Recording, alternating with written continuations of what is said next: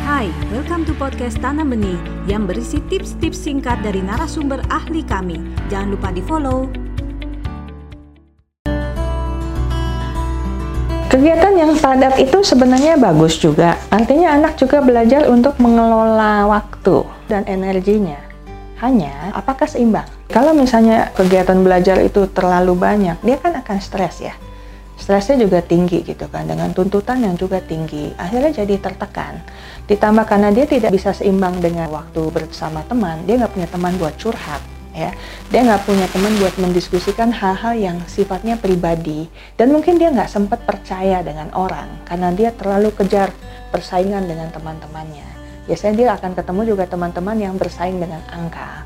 Sehingga akhirnya dia melihat pertemanan itu sebagai sesuatu yang palsu begitu dia tidak menghayati pertemanan itu sebagai kesempatan untuk membuka diri dan bertumbuh bersama teman-teman Nah, itu akhirnya membuat dia jadi tidak punya siapa-siapa untuk menceritakan isi hatinya kalau dia butuh. Dia nggak percaya juga dengan orang tua, barangkali karena nggak sempat juga untuk komunikasi dengan orang tua, dengan kesibukannya yang bertubi-tubi seperti itu.